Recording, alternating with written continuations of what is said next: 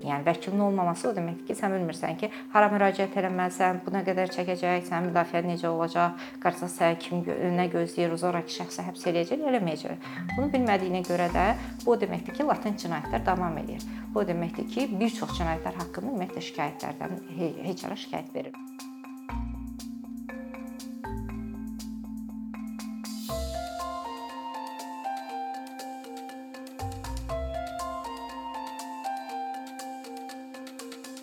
Azərbaycan Respublikasının konstitusiyasının 61-ci maddəsinə əsasən hər kəsin ixtisaslı hüquqi yardım almaq hüququ var. Və bu hüquqi yardımı, ixtisaslı hüquqi yardımı ala bilməsi üçün insanların vəkillər çıxışı olmalıdır. Yəni ölkədə vəkillərin sayı kifayət qədər olmalıdır. Ölkədə peşəkar, kifayət qədər keyfiyyətli xidmət göstərən vəkillərin sayı kifayət qədər olmalıdır. Və biz əgər baxsaq ki, Azərbaycanda bu vəziyyət necədir? Vəkillər kollegiyasının keçən il veb səhifəsində məlumat paylaşılmışdı ki, Azərbaycanda 2237 nəfər vəkil fəaliyyət göstərir. Bu isə o deməkdir ki, Azərbaycanda hər 100 min nəfər adama cəmi 22 vəkil düşür. Məsələn, biz Avropa ilə əgər müqayisə eləsək, Avropada hər 100 min nəfər adama 136 vəkil düşür. Yəni Azərbaycanda bu Avropada fəaliyyət göstərən vəkillərin belə median sayından 6 dəfə az vəkil var. Regionlara baxsaq, regionlarda daha da gərginli vəziyyət. Çünki cəmi 4də 1 vəkillərimizin 4də 1 470 nəfər bütün regionlar üzrədir. Qalanı Bakıda cəmləşib.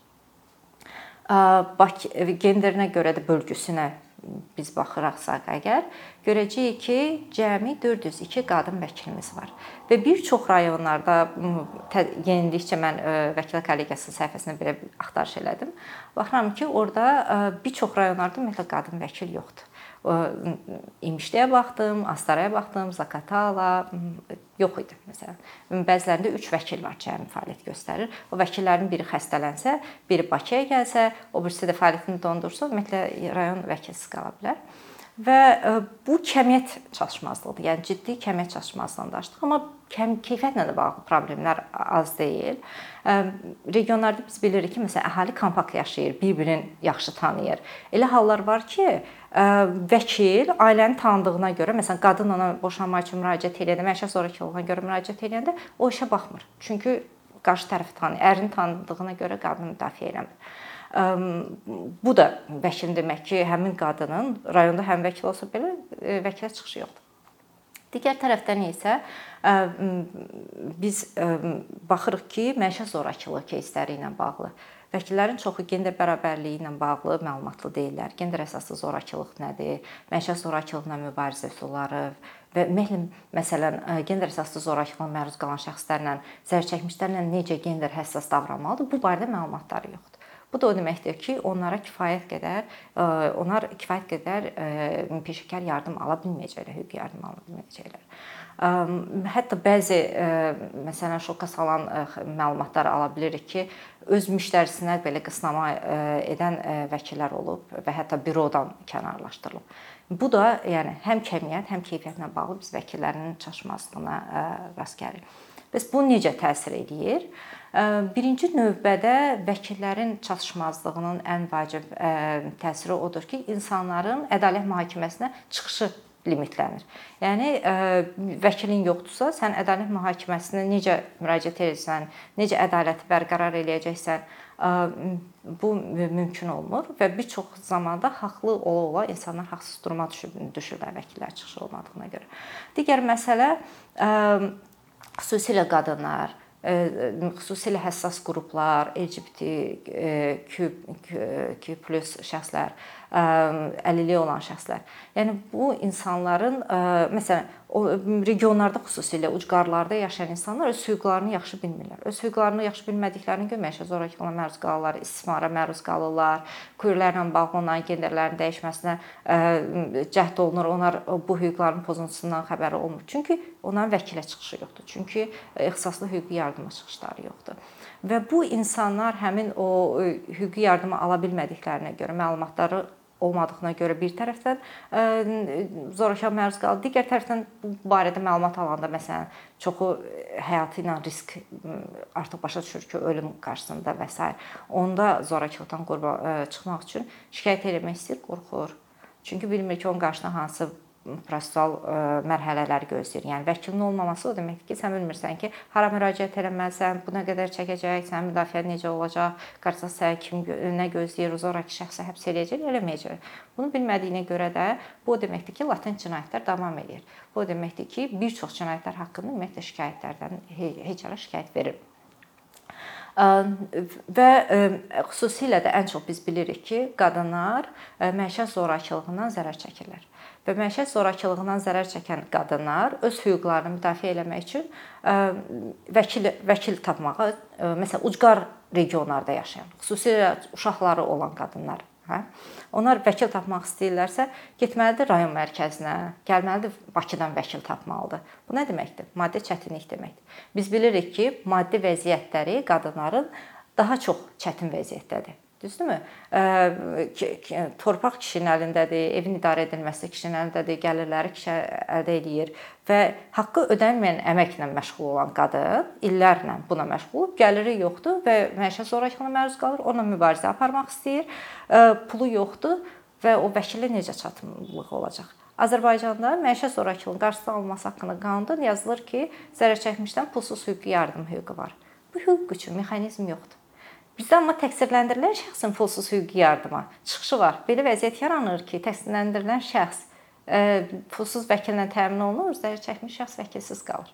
Yəni bu belə bir məsələlər də var. Və maddi çətinliyin öhdəsindən e, tutaq ki, gəldi, maşın tapmalıdır. Ucqarda yaşayan bir qadın, biz bilirik ki, ictimai orda nəqliyyat yoxdur. E, adətən kişilərin maşını olur və yaxud dostlarının kişi dostlarının maşını olur və qadın əgər e, hə tək başına qadın çıxdı, getdi nə bilim rayona, görəsən nə işi var idi, e, cavan gəlindir, ərinə qarşı şikayət edir. Bu cür stigmatizasiya ilə məruz qalırlar, qınağa məruz qalırlar. E, bir tərəfdən nəqliyyat tapa bilmir, bir tərəfdən stigmatizasiya ilə mübarizə aparır. Üstə gəl də bu vaxt etkisi. Ən çox vaxt kasıblığı yaşayan insanlar qadınlardır. Yəni ona görə ki, onlar uşaqlara baxırlar, evin təmizliyi onların üstündə 24/7 bu insanlar işləyir və onların həftə sonları yoxdur. Bunun üzərinə o e, əgər e, gedib vəkil tapmaq üçün uşağı fikirləşməlidir, uşağı kimin yanına qoyacaq? Fikirləşməlidir ki, hə onu nahara yeməyinə bişirib ona qoyum ki, mən gedib onu həll eləyənə qədər. Və yaxud təmsil olunmayacaqsa özü həm e, hüquqlarını müdafiə eləmək istəsə, ümumiyyətlə buna vaxt çatdırması, neçə dəfə getməlidir polis şöbəsində ərizə yazmalıdır, icra hakimiyyətinə mühafizə orderi üçün çağırırlar, görüşlər, məhkəmələr. Yəni bunların hamısında qadının iştirak etməsi mümkün olmadığına görə onlar öz hüquqlarını E, müdafiə edə bilmirlər. Və bütün bu bu e, məsələlərin nəticəsində o baş verir ki, insanlar, xüsusilə regionlarda, xüsusilə ucqarlarda yaşayan, xüsusilə həssas qruplardan olanlar insanlar e, öz hüquqlarını müdafiə edə bilmirlər, ədaləti bərqərar edə bilmirlər və onların ədalət mühakiməsinə olan inamı itir. Ədalət mühakiməsinə olan inamın itməsi isə bu bir cəmiyyətə vurulan bir zərbədir. Amma yaxşı ki, bəzi təşəbbüslər var. Bunu da sadalamaq istəyirəm ki, bəzi alternativ vasitələr var ki, həmin şəxslər müraciət edə bilərlər. Hal-hazırda məsələn Vəkil Azərbaycan Respublikası Vəkillər Kollegiyasının pulsuz hüquqi yardım mərkəzi fəaliyyət göstərir. Bundan başqa Bakı Dövlət Universitetinin hüquq klinikası var, Ədliyyə Nazirliyinin Ədliyyə Akademiyasının hüquq klinikası var ki, pulsuz hüquqi yardım göstərir. Regionlarda qadın qadın resurs mərkəzləri fəaliyyət göstərir. Bundan başqa biz Qadın Vəkillər Alyansı fəaliyyət göstərir ki, məs e, bir çox hallarda biz bilirik ki, qadınlar qadınlara müraciət etmək istəyir, çünki ona daha rahatdır. Və o o e, baxımdan məsələn qadın vəkillər alyansı kömək edə bilər.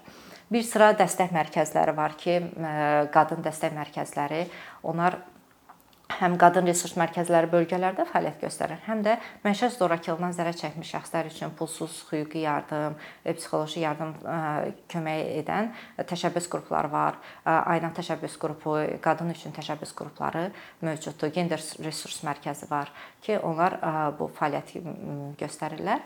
Bir də təşəbbüslərdən mən sadalaya bilərəm 860 qaynar xətti var. Həmin qaynar xətt vasitəsilə də vətəndaşlar müraciət edib hüquqları ilə bağlı, xüsusilə gender əsas zorakılığa məruz qalan şəxslər onlardan kömək istəyə bilər.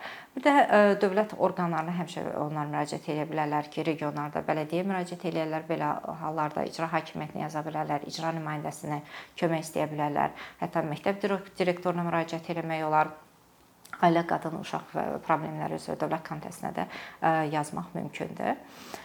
Bu sadaladığım təşəbbüslər mövcud olsa da, bu problem ümumilikdə bizim vəkil çatışmazlığı, regionlarda vəkil çatışmazlığı problemini həll eləmir.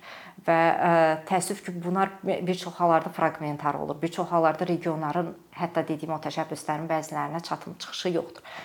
Ona görə də biz nələri təklif edə bilərik? Birincisi araşdırma aparılmalıdır ki, bölgələr üzrə hansı bölgələrdə vəkil çatmır? Hansı bölgələrə məsələn qadın vəkillər olmalıdır. Bununla bağlı dəstəkləyici fəaliyyətlər, bəlkə maddi resursların ayrılması ola bilər.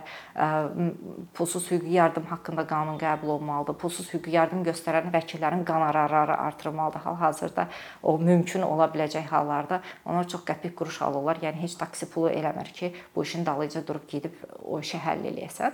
Ona görə pulsuz hüquqi yardım mexanizmləri gücləndirilməlidir. Dəstək mərkəzləri dövlət tərəfindən dayanıqlı, davamlı e, dəstəklənən, büdcəsi ayrılmış e, xidmət mərkəzləri olmalıdır. Xüsusilə cinsi zorakılığa məruz qalan şəxslər üçün müraciət etmək üçün onların belə ixtisaslaşmış dəstək mərkəzləri mövcud olması lazımdır.